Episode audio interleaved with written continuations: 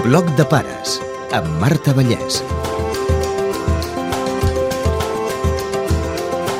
La família et toca, però els amics se'ls tria cadascú. I què passa amb els amics dels fills? Ens agraden? Ens preocupen les seves companyies? Avui en parlem amb la psicòloga Maria Jesús Comelles i amb pares i fills. Decir amigo es decir juegos, escuela, calle y niñez. Què és l'amistat? Una relació amb la que comptes amb l'altra persona, en la que hi ha confiança, en la que es poden establir complicitats i tu comptes que l'altre t'entendrà. Que no hi haurà aquella mirada de judici, que no et criticarà d'entrada i que en un moment determinat et pot dir que no està d'acord amb el que fas o et pot dir el que cregui que t'ha de dir. De petits el millor amic pot canviar cada dia. És l'altre amb qui jo jugo, amb qui comparteixo una estona i no m'obliga res més, no, no comporta res més. Si quan jo hi vaig ens somriem, si l'altre m'escolta i jo l'escolto, si quan jo li dic deixa'm o m'ho deixa, aquesta amistat pot anar creixent o pot ser conjuntural d'una etapa. En aquestes primeres edats també pot aparèixer aquell company a qui els altres no veuen mai, l'amic imaginari. Que sigui normal no vol dir que es doni amb tothom. La criatura té imaginació. I hi ha qui s'imagina xais, hi ha qui s'imagina un amic. Depèn també de les relacions que té amb el seu entorn. Seria potser preocupant si deixés de jugar amb la realitat i només es tanqués amb la imaginació.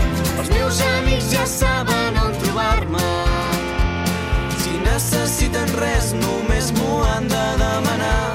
A mida que creixem, fem colla amb aquells amb qui tenim més afinitat. 4, 5, 6 anys es comencen a establir ja més afinitats. Quan després el món se'ns eixampla i anem tenint uns interessos més marcats, representa que hi ha una selecció natural. No és que ara ja no t'estimo, però potser m'entenc més amb una altra persona. La Teresa i la Jana tenen bones amigues. M'agrada parlar amb elles i explicar-li coses i jugar. De vegades, amb unes dues amigues que viuen molt a prop, vaig a casa seva. Jugar, parlar, a vegades ens assentem al blanc i parlem vegades juguem. Cap a l'adolescència, nens amb nens i nenes amb nenes. Qui entendrà la intimitat de la nena? Una altra nena. Qui entendrà la intimitat d'un bailet serà l'altre bailet. Per què? Perquè els hi passa el mateix. Per lògica, tot allò que jo puc compartir amb un altre que segur que m'entendrà molt i que li passa exactament el mateix o que podrem matisar si li passa realment el mateix o tarda més o tarda menys, és amb un altre que estigui igual. Aquest acostament entre el propi sexe és lògica. Ara, el tanto quan se'ns accentua massa i això crea barreres que van categoritzant encara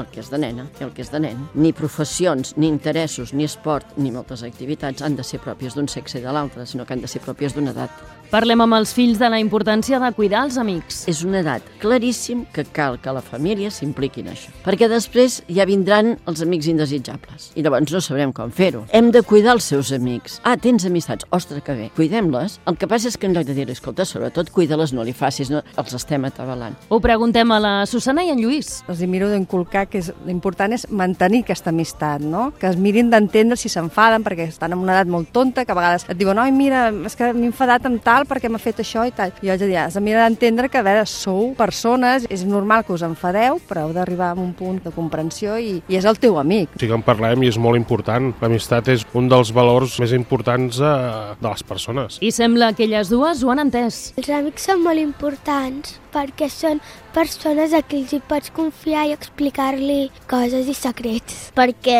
et coneixen i, bueno, passes rato amb elles i són, no sé, s'estimes molt. Amigues que tinc ara que m'agradaria tenir-les molts anys. Si et sents trist i emboirat i necessites una L'adolescència, un moment difícil. Les amistats tenen molta més importància pel canvi que representa per la persona, amb el seu cos, per exemple, la qüestió emocional, no només la hormonal, la cognitiva. És que la mirada que tenen cap al món, el neguit que tenen de futur, qui els pot entendre un altre que està igual? Aquesta amistat és gairebé tan vital com l'oxigen, perquè almenys poden compartir totes les pors. teva foscor. Pots quedar amb ell i fer coses amb ell. Li pots explicar coses, els meus problemes o les meves coses. Perquè els amics entenen millor perquè són de la meva edat, més que la gent gran que potser no s'entera de tot. amb algú que pots compartir els teus problemes personals, que pots confiar en ell, perquè creus que mai, mai et traicionarà ni res. Malgrat les queixes, és feina nostra estar sempre al seu costat. No vegis el control com una amenaça ni com una desconfiança. Però és que, com que m'interessa, jo vull saber on estaràs, què hi faràs. És la meva responsabilitat aquest acompanyament. Digue-li control, jo en diria acompanyament, perquè quan jo marxo també et dic on vaig. Una cosa és aquella obsessió del control absolut de tot i l'altra cosa és aquest acompanyament, de què ens donem informació, de què ens comuniquem i sabem de l'altre.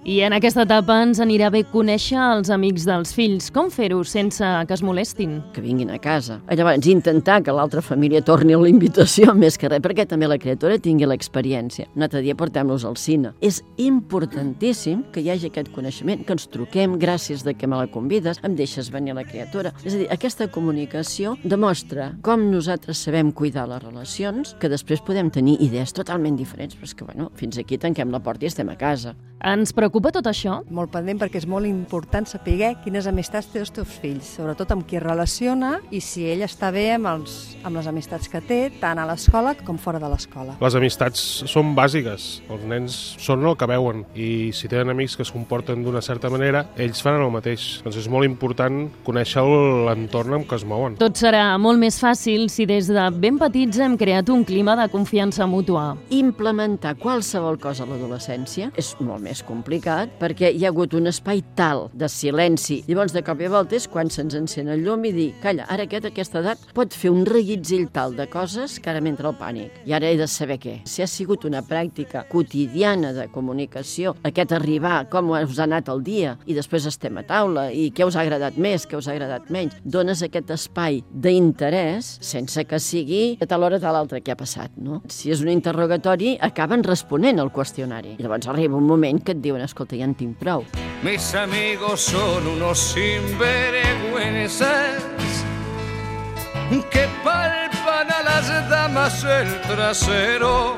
I si no ens agraden els seus amics, què fem? Hi ha hagut un moment que han estat molt guiats per la família. Arriba un altre moment que dius, espera, encara que a casa em diguin que no, per què em diuen que no? A veure, vaig a provar. I això forma part del creixement. I millor que ho facin amb 12-16 que no que ho facin als 25. El que és interessantíssim és que sempre, per cada família, les males amistats són els altres. Llavors és curiós quan de cop i volta ens mirem al mirall i diem, ah, o sigui que la nostra criatura és la mala amistat d'aquell. també, mare. I jo insistiria en lo dels criteris. I ens agradin o no, les portes de casa sempre obertes, que vinguin, els podrem conèixer millor. Quan ens demanen diners per anar a sopar fora, ostres, veniu avui a sopar a casa. Ara, una altra cosa és llavors fer tota la tertúlia junts. Tampoc no cal. Podem sopar plegats. I després, els adults amables ens n'anem a fer no sé què i es queden allà fent la tertúlia. I que posen música i els hi podem dir, escolta, poseu el, el cascos o baixeu-la una mica perquè hi ha el veïnat. I que juguin el que vulguin o que passin l'estona plegats. Ara, és clar, si estem en allà i se senten fiscalitzats i llavors els hi diem això no ho feu i allò tampoc, a veure, Fem-los confiança. Si hem pujat els fills amb uns valors, sabran no deixar-se influenciar. la responsabilitat educativa adulta, a mesura que l'individu creix, també va disminuint. Sobretot si hi ha hagut uns criteris. Llavors, el criteri, si jo l'he entès, jo ja me l'aplicaré quan vagi sense pare i mare. Per tant, ja hi ha aquesta confiança perquè s'ha après, diguem-ne, el missatge. Les normes i els límits se'ls posa la pròpia persona i sap com gestionar-los. I pot funcionar també alguna estratègia. Una nit sortirem no sé qui i faran no sé què. Ara, l'endemà al matí, esmorzem, ens rentem la cara, parem taula i fem tot el que s'ha de fer. És que estic cansat, sí, esclar. I llavors, com que som bona gent, la gent adulta de casa, els hi donem un cafè amb llet, perquè ja entenem que tenen ressaca i el cafè amb llet va molt bé. I ara funcionem. És que eh, s'estiren i ara no sé què... No, no, no, és que coita amb el sol que fa anem a passejar. Anem pautant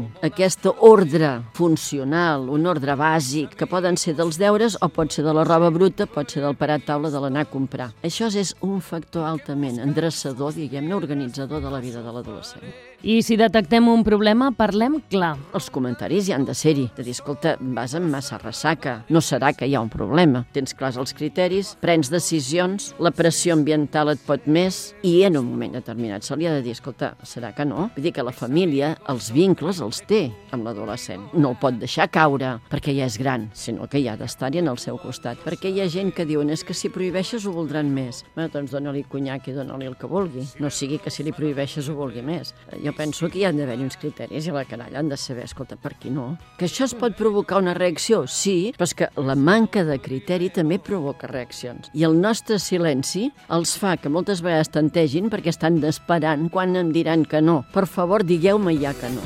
¿Y dónde acabará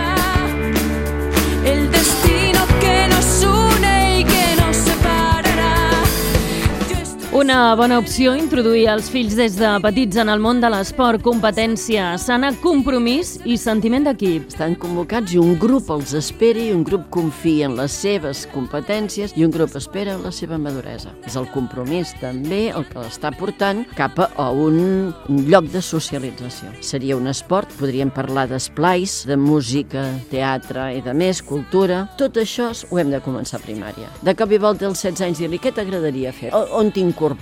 Quan ja hi ha grups formats és molt difícil. I llavors, sortint d'escola, què li queda? Li queden les màquines i li queda el carrer. Si coneixem els pares dels seus amics serà més fàcil desactivar aquella cantarella. És que tots hi van? És que tots ho tenen? A veure, vaig a comprovar si és veritat que ho tenen tots. Ara, i si realment ho tenen tots? Llavors li podem dir, escolta, mira, no passa res, que ho tinguin tots, tu ho tindrà tots menys tu, i tu ja ho tindràs quan, tal, tal, tal. Eh? Llavors són els criteris familiars. Si anem, abans ens hem comunicat, sabrem per què l'altra família li ha donat allò que nosaltres creiem que no. També està bé de dir, escolta, hem estat parlant i m'han explicat el per què. No està malament el que pensen, el que passa és que no ho comparteixo. També cal dir que moltes famílies acaben cedint perquè es creuen el que diu la criatura. I els millors amics, aquells que voldríem conservar tota la vida. M'agradaria conservar-los perquè me'ls estimo molt perquè hem anat a la guarderia junts. Sobretot m'agradaria conservar en en Joel. Vam començar a ser amics de la guarderia i, i tampoc m'agradaria parar de ser amic seu i tampoc m'agradaria enfadar-me. Amics d'abans, tants anys sense veure'ls, en sec tan estranys. Si vols saber més coses, Et recomanem alguns llibres, com ara Escola de Pares, editat per Columna. Maria Jesús Comelles tracta de les amistats dels fills i en el llibre La edat del pavo, d'Alejandra Vallejo Nájera, hi ha un capítol sencer sobre el mateix. D'amics també en parla la pel·lícula Herois. No recordes cap estiu com el més important de la teva vida? M'alegro que hagis tornat. Esclar, perquè no havia de tornar. Tens algun desig? Petits? Petits. petits. Petits. Un, dos, tres, petits!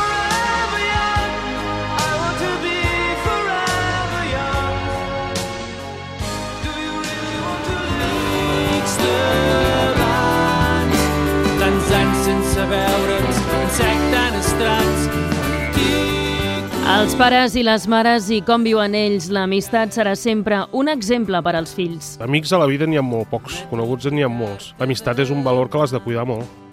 Encara que no t'ho creuràs, prometo trucar-te demà.